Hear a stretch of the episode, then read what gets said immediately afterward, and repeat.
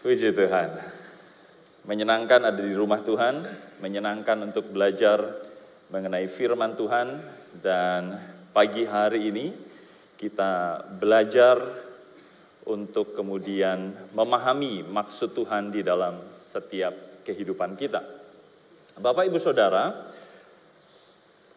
apa yang akan saya sampaikan pagi hari ini ada di uh, alamat web yang ada di hadapan Bapak Ibu Saudara kalau memang um, sudah ditampilkan. Dan kita pagi hari ini berusaha mem mem memahami apakah keberadaan kita ini adalah suatu kebetulan atau ada rencana Allah di dalam setiap hal yang terjadi secara kebetulan itu. Kalau Bapak Ibu Saudara lihat sebelah kiri dan kanan Anda, kebetulan nggak ada di sebelah mereka? Ya, Ya untuk beberapa dari kita ada yang sudah di set begitu ya. Tempat duduk gembala memang harus di situ, singer, song leader, operator. Tetapi rata-rata kita kita tidak menentukan kita mau duduk di mana. Apakah kita hadir pagi hari ini adalah juga suatu kebetulan? Saya nggak bisa hadir di ibadah raya 2 meskipun saya biasa di ibadah raya 2 atau saya biasa di ibadah raya 3 atau saya biasa beribadah di gereja lain dan pagi hari ini kebetulan saya ada di tempat ini. Hari ini kita belajar bahwa Allah bekerja di dalam kebetulan. Mari kita buka 1 Samuel, pasal yang ke-6, ayat yang ke-9. 1 Samuel 6 ayat yang ke-9. Bapak Ibu Saudara sudah dapatkan? Kalau Anda tidak membawa Alkitab, Saudara juga bisa buka aplikasi itu di gawai Bapak Ibu, handphone, tablet, 1 Samuel 6 ayat yang ke-9 demikian firman Tuhan. Perhatikan, jika tabut itu mengambil jalan ke Bet Semes, daerahnya sendiri, ya daerah Israel, dialah atau Allah lah, Tuhan lah yang telah menyebabkan malapetaka besar ini pada kita. Jika tidak, kita akan mengetahui bahwa bukan tangannya yang telah memukul kita, disebutkan kebetulan saja hal itu terjadi pada kita. Nah, menurut kita semua, apa sebenarnya kebetulan itu? Kebetulan itu apa? Betul itu sama dengan benar? sama sebenarnya ya. Betul, benar begitu ya. Tetapi ketika kemudian diberi imbuhan dan akhiran ke an, maka kemudian maknanya berubah. Karena kebenaran tidak sama dengan kebetulan. Ya. Nah kebetulan kalau bisa didefinisikan itu adalah sesuatu yang tidak disengaja atau tidak diduga sebelumnya akan terjadi. Contohnya yang paling sederhana saja, Kebanyakan dari Bapak Ibu Saudara jemaat yang hadir pada pagi hari ini, mungkin Anda ada yang tahu, ada yang tidak tahu di GPDI Mahanaim kita punya bagian dari ibadah raya namanya Departemen Kostum atau Costume and Style kalau saya nggak salah seperti itu. Betul ya, kira-kira seperti itu. Jadi ada departemen yang mengurus kostum para uh, pelayan yang ada di mimbar yang tadi melayani di pujian dan penyembahan. Nah ketika diatur seragam itu, kemudian Bapak Ibu Saudara datang pagi hari, Anda nggak tahu apa-apa, tiba-tiba saudara lihat, wah seragamnya sama. Kebetulan kan, sesuatu yang tidak disengaja, sesuatu yang tidak diduga. Saudara nggak sedang berusaha jadi singers kan, oh udah seragam nih, maju dong saya gitu ya. Kebetulan saja, nggak disengaja, nggak diduga, ada yang seragamnya sama dengan singers. Ada? Ada ya? Ada yang pakai abu-abu saya lihat. Silver-silver begitu. Tetapi di dalam Alkitab kita juga menemukan kebetulan-kebetulan yang terjadi di beberapa peristiwa. Salah satunya adalah kisah yang melatar belakangi ayat yang tadi kita baca di 1 Samuel 6 ayat yang ke-9. Kalau Bapak Ibu Saudara lihat konteksnya, ini adalah kisah di mana orang Filistin, orang-orang Filistin mengalami kebingungan hebat karena mereka ditimpa oleh tulah demi tulah. Ya, ditimpa oleh penyakit, ditimpa oleh sesuatu yang mereka tidak duga sebelumnya. Mereka bingung kenapa itu terjadi, tetapi satu hal yang mereka tahu, tulah itu terjadi sejak dirampasnya tabut perjanjian oleh tentara Filistin. Ketika mereka berperang melawan tentara Israel, kemudian mereka mengalahkan tentara Israel, tabut perjanjian itu direbut. Bapak Ibu Saudara bisa lihat itu di pasal 4, pasal 5, pasal 6. Ya. Kalau Anda punya bacaan harian, coba baca 4, 5, 6. Menarik kisah ini. 1 ya. Samuel 4, 5, dan 6. Dan mereka berusaha mencari solusi untuk kemudian tulah ini tidak terjadi lagi kepada mereka. Jadi apa yang mereka lakukan adalah mereka mengembalikan tabut perjanjian itu kembali ke Israel. Nah di zaman itu kalau Bapak Ibu Saudara tahu di zaman kuno mereka menandai ya penaklukan atau kemenangan atas suatu daerah, suatu kota atau suatu negara dengan merebut atau menghancurkan apa yang disembah oleh kota, negara atau bangsa itu. Itulah kenapa nanti kalau kita maju beberapa ribu tahun kemudian ya di abad pertama kalau saya nggak salah ya di tahun 70 bukan 1970 ya tahun 70 itu terjadi penghancuran bait Allah di Yerusalem oleh orang Roma ya karena orang Roma ingin menaklukkan Israel memastikan mereka tidak memberontak lagi dengan kemudian menghancurkan apa yang mereka sembah tempat peribadatan mereka. Nah ini juga yang terjadi di sini. Ya orang Filistin berpikir bahwa mereka bisa merebut tabut perjanjian itu oh ini total loss kalah nih Israel udah Tuhannya nggak bisa melindungi mereka lagi. Tetapi salah. Tuhan memang menyerahkan Israel kepada kekalahan, bukan karena Tuhan nggak bisa melepaskan Israel, tetapi karena Israel menjadi tidak taat. Jadi tabut perjanjian itu direbut, bukannya kemudian mereka merasakan kegembiraan atas kemenangan, malah terjadi tulah demi tulah. Dikembalikanlah tabut itu dan mereka berpikir, kalau kemudian ketika dikembalikan binatang yang membawanya itu betul-betul kembali ke Israel, berarti benar-benar nih, memang Tuhannya orang Israel yang melakukan semua ini. Dan mereka belajar menyadari bahwa Allah orang Israel yang melawan mereka, orang-orang Filistin. Ini jangan dikaitkan dengan Israel dan Palestina di zaman ini ya. Ini isu-isu yang sensitif. Kita selalu berpegang bahwa Allah ingin segala sesuatu yang baik bagi manusia, tetapi kemudian manusia berusaha melakukan yang buruk. Jadi saya harap jemaat Mahanaim juga e, menjadi bijak dalam berkomentar menanggapi isu ini. Ini bukan Israel dan Filistin di Alkitab yang terjadi sekarang. Ya, jangan disamakan. Ya.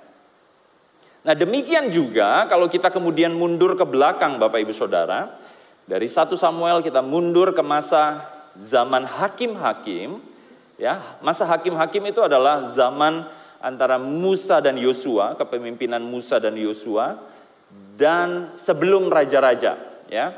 Jadi um, orang Israel itu, saya coba ya, Orang Israel itu dipimpin, sorry saya terlalu cepat. orang Israel itu dipimpin oleh Musa sempat digantikan oleh Yosua. Kemudian mereka berdua memimpin kalau kita bisa lihat gaya kepemimpinannya adalah seperti teokrasi karismatik. Jangan terlalu berpikir, jangan mengernyutkan dahi. Ini hanya istilah saja. Maksudnya Allah yang memilih mereka, memperlengkapi mereka dengan kuasa, karisma untuk kemudian memimpin. Hal yang sama kemudian terjadi kepada hakim-hakim. Ya, teokrasi karismatik. Sebelum kemudian mereka masuk ke zaman raja-raja. Ini disebut teokrasi elektif. Oh, maneh kue. Ya, kira-kira seperti itulah. Kalau Bapak Ibu Saudara senang belajar, Anda bisa cari. Tetapi kalau Anda nggak suka, nggak apa-apa. Perhatikan saja bahwa di antara kepemimpinan Musa dan Yosua dengan kepemimpinan para raja-raja itu ada masa hakim-hakim. Ya. Mereka memimpin. Nah, salah satunya kalau beberapa peneliti Alkitab mengungkapkan bahwa Hakim Gideon yang uh, hadir ketika Ruth ya masa keberadaan Ruth gitu ya, ada di di hakim-hakim Gideon atau sebelumnya atau sesudahnya ya di sekitar masa itu. Nah kalau Bapak Ibu Saudara lihat di Ruth pasal yang kedua ayat yang ketiga, kemudian kita juga melihat ada kebetulan lain di situ. Ya, Ruth saat itu bekerja secara tidak sengaja di ladang Boas. Dia bekerja secara tidak sengaja di ladang Boas. Di Rut 2 ayat yang ketiga. Nah Boas ini, kalau Bapak Ibu Saudara nanti pelajari, akan menjadi suami Rut. Ya, karena di zaman itu seorang yang tidak memiliki suami itu seperti seseorang yang kehilangan perlindungan. Itulah kenapa kemudian saudara akan belajar di kitab Rut bahwa Rut itu meminta perlindungan. Kemudian Naomi juga sebagai mertua dari Rut meminta kepada Rut untuk mencari perlindungan. Yang dimaksud dengan perlindungan di situ bukan safe house, bukan rumah pelayanan, bukan rumah singgah, tetapi suami. Ya. Nanti kita akan bahas mungkin di waktu berikutnya, nggak akan ada waktu kita untuk membahas mengenai hal itu. Tetapi apa yang kita pelajari bahwa sesuatu yang sepertinya tidak sengaja Allah bekerja di dalam. Kalau Bapak Ibu Saudara pelajari Boas inilah yang akan jadi salah satu bagian penting dalam silsilah keturunan Daud. Ketika ia menikah dengan Ruth, mereka menghasilkan keturunan yang menjadi nenek moyang dari Daud. Dan tentu saja menjadi nenek moyang dari Yesus. Bapak Ibu Saudara bisa baca itu di Rut 4 ayat yang ke-17 dan di Matius 1 ayat 5 sampai yang ke-6. Kita bisa melihat segala hal di Alkitab ada hal-hal yang dipikir kebetulan, ada hal-hal yang dipikir tidak disengaja, tidak diduga, tetapi Allah bekerja di dalamnya. Nah, pemahaman mengenai Allah yang bekerja dalam waktu, bekerja dalam ruang, bekerja dalam benda, itu kemudian menjadi salah satu kunci. Kita yakin bahwa Allah bekerja di semua aspek ini. Dan dalam pemahaman kita, saya akan ke sana, dalam pemahaman kita, Tuhan itu ada di luar ruang, waktu, dan benda. Nah, tiga hal ini ini seperti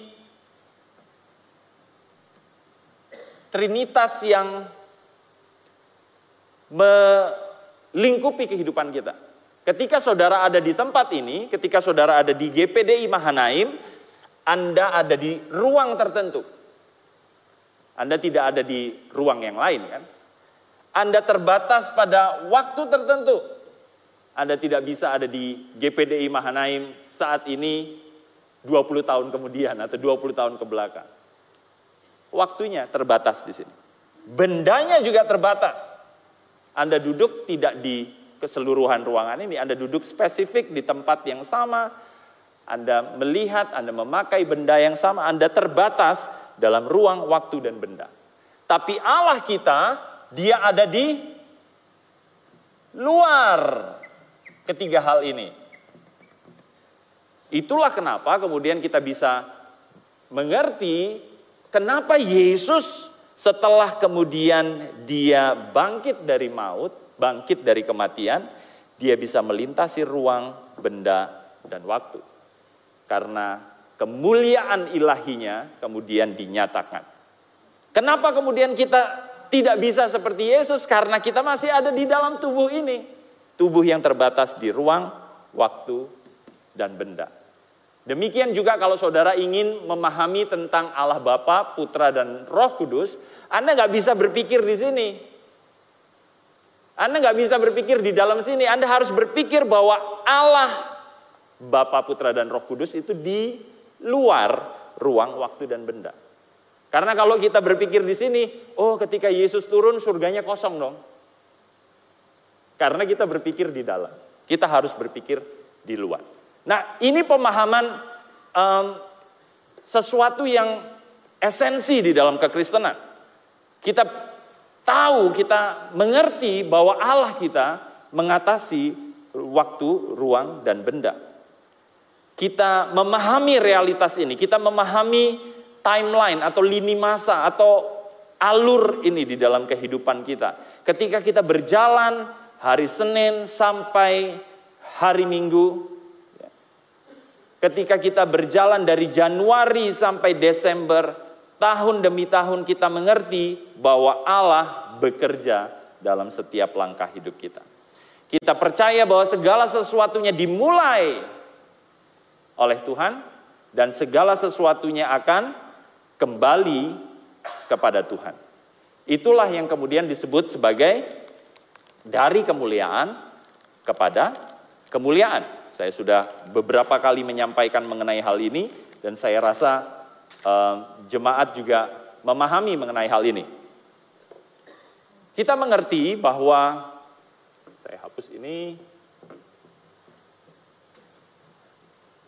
bahwa Allah bekerja melintasi ruang, masa, melintasi kebendaan dan lain sebagainya. Tidak ada yang bisa membatasi dia. Dan itulah kenapa kemudian kita sebut bahwa Allah kita itu bekerja di dalam suatu kekekalan. Kekekalan inilah yang kemudian kita sebut sebagai kemuliaan.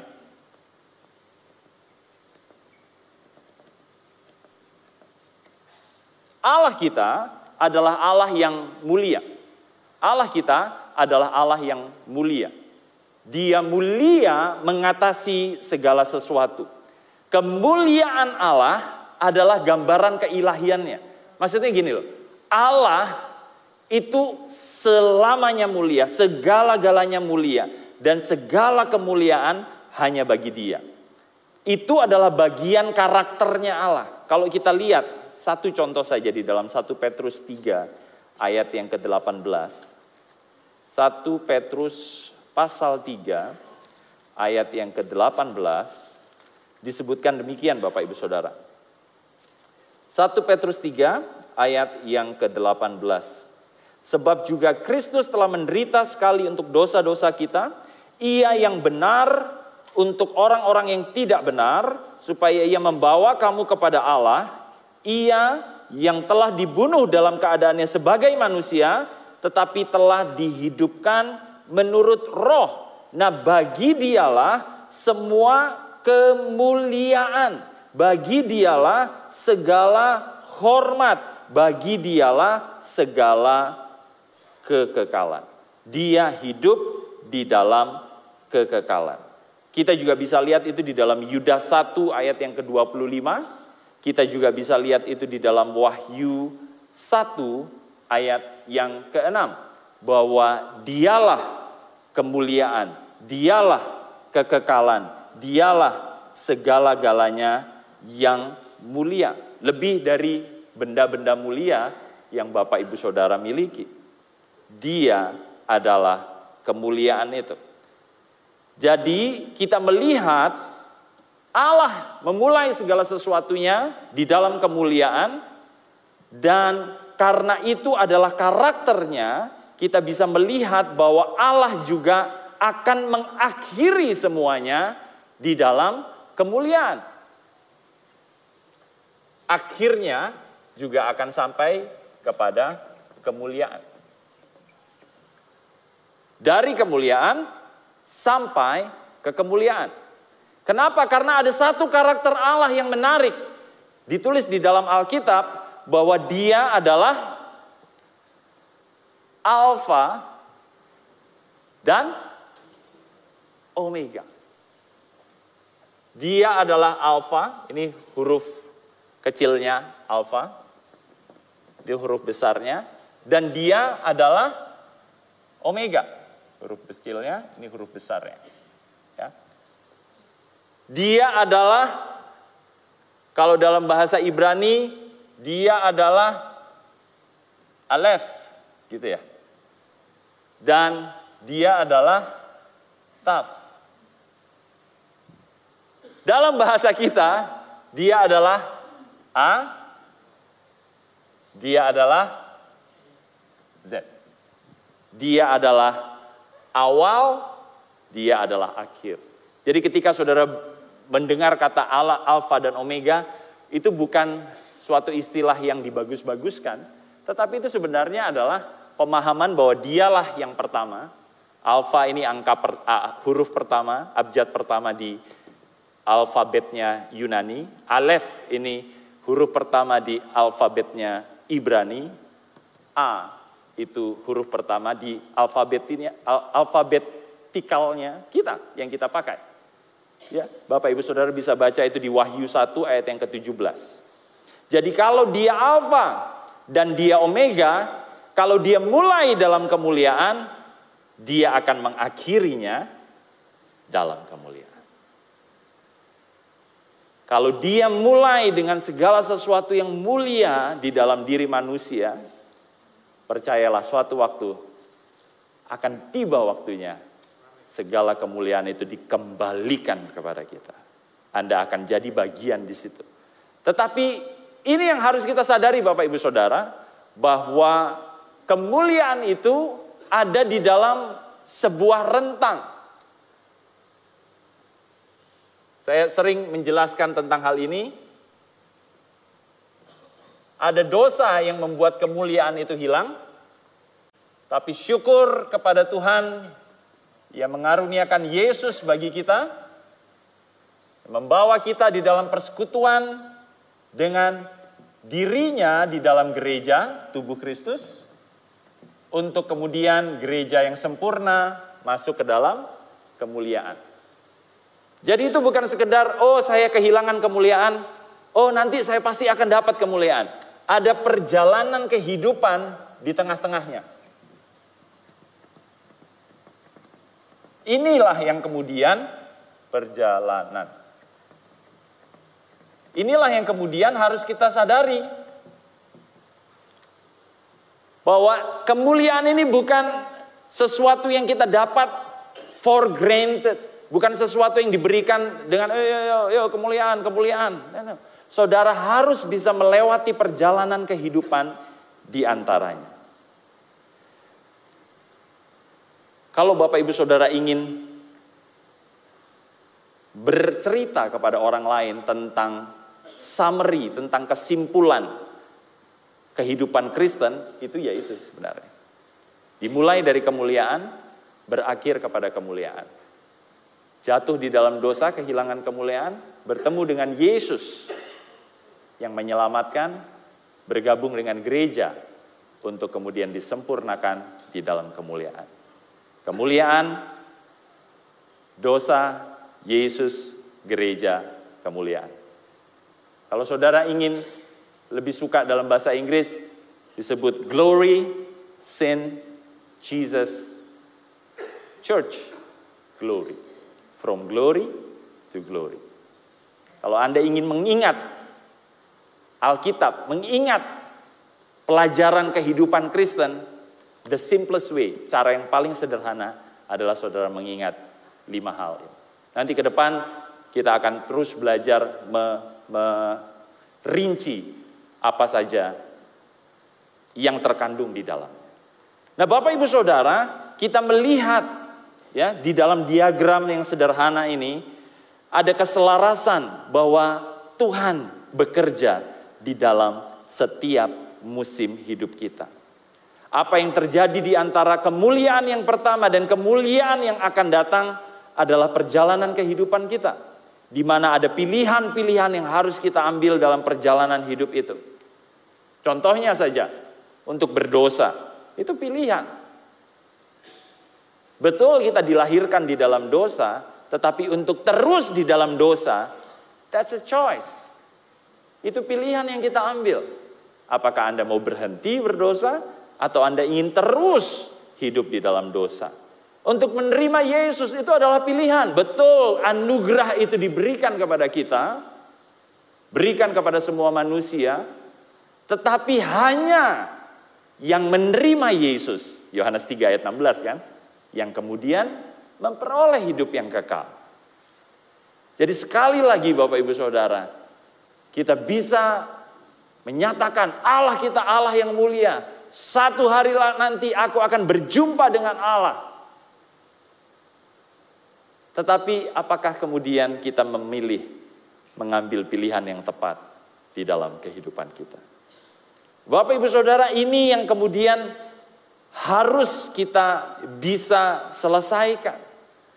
Apakah kita mau masuk di dalam kemuliaan yang akhirnya adalah surga seperti yang dituliskan di dalam 1 Tesalonika 4 ayat 16 sampai 17 atau kemudian tetap sih masuk di dalam kekekalan tetapi bukan kemuliaan karena akhirnya di dalam neraka seperti di dalam Wahyu 14 ayat 11 kalau Anda mengikut atau tunduk kepada antikris ya di masa tiga setengah tahun itu. Saya harap, gembala berharap kita semua adalah bagian dari gereja sempurna yang disingkirkan tentunya. Tetapi adalah pilihan. Ketika Anda kemudian masuk ke dalam masa itu, kalau Anda kemudian membiarkan, udahlah, saya ikut saja dengan antikris, maka bagian Anda adalah kekekalan dalam neraka. Demikian juga kalau Anda ikut dalam kesesatan iblis di Wahyu 20 ayat yang ke-15 dituliskan akhirnya juga adalah kekekalan dalam neraka. Ya Bapak Ibu Saudara saya akan mengakhiri apa yang saya sampaikan ini dengan mengangkat perjalanan kehidupan seorang tokoh Alkitab yang bernama Yunus. Ini bisa jadi kemudian relevan dengan hidup kita. Kenapa? Karena Yunus melakukan hal-hal yang di luar rencana Allah. Di dalam Yunus 1 ayat 1 sampai yang ketiga, Bapak Ibu Saudara bisa menemukan betapa Yunus tahu maksud Tuhan, tetapi kemudian dia melakukan yang di luar maksud Tuhan. Bukankah itu seperti kita ya? Mirip sekali. Kita tahu maksud Tuhan, kita tahu Alkitab, kita tahu firman Tuhan. Beberapa dari Bapak Ibu Saudara yang di tempat ini bisa jadi lebih lama dari usia bangunan ini dalam mengikut Tuhan. Kita tahu, tapi kemudian kita mengingkari. tetapi kemudian kita tidak ikut menjalankan apa yang kemudian Allah perintahkan. Kemudian Allah menemui Yunus dengan kebetulan-kebetulan yang terjadi. Bapak Ibu Saudara bisa lihat di ayat yang keempat, Yunus pertama ada badai besar. Kebetulan nggak sih? Setiap kali saya naik pesawat terbang, saya selalu berpikir, bisa jadi ini penerbangan yang mulus, bisa jadi ini penerbangan yang penuh dengan guncangan, turbulence, ya, turbulence, turbulensi, guncangan, itu bisa saja terjadi. Nah, kita juga berpikir, ya namanya juga orang naik perahu, gelombangnya bisa besar. Apakah itu kebetulan?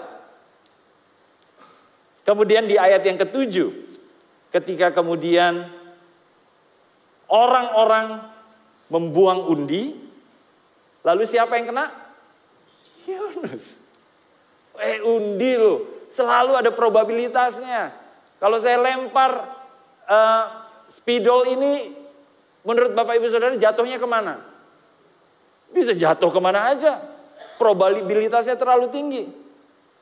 Tetapi Yunus ketika dibuang undi, dia yang kepilih. Kebetulan. Kemudian di ayat yang ke-15, kalau Bapak Ibu Saudara lihat, ada laut yang kemudian berhenti mengamuk ketika Yunus dilempar. Sudah bisa bayangin gak sih? Ketika kita naik pesawat gitu ya, goncang gitu. Wah pramugarinya kita buang satu deh. Siapa tahu jadi lebih tenang gitu ya. Kan nggak gitu kita mikirnya kan. Kita berpikir ah, enggak dong. Harusnya bukan seperti itu solusinya. Tetapi itu yang terjadi. Ketika Yunus dilempar, tiba-tiba teduh laut itu. Kebetulan Tuhan bekerja di dalam hal-hal yang kita pikir kebetulan.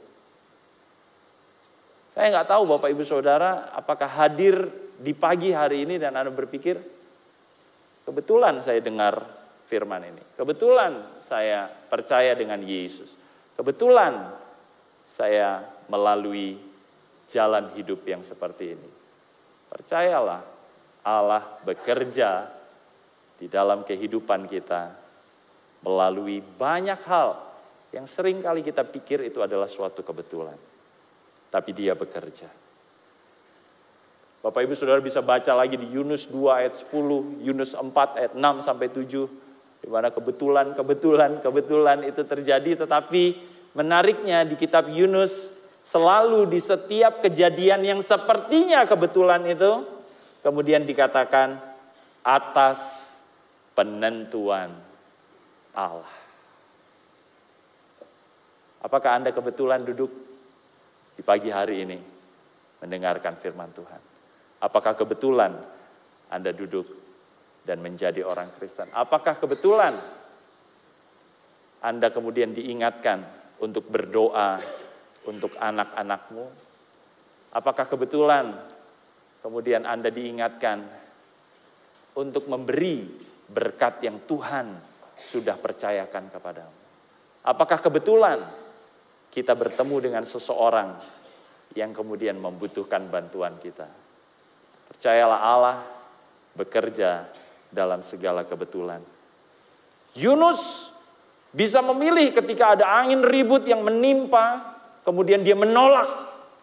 Dan dia bilang, oh itu kebetulan. Itu bukan pekerjaan Allah. Apa yang terjadi?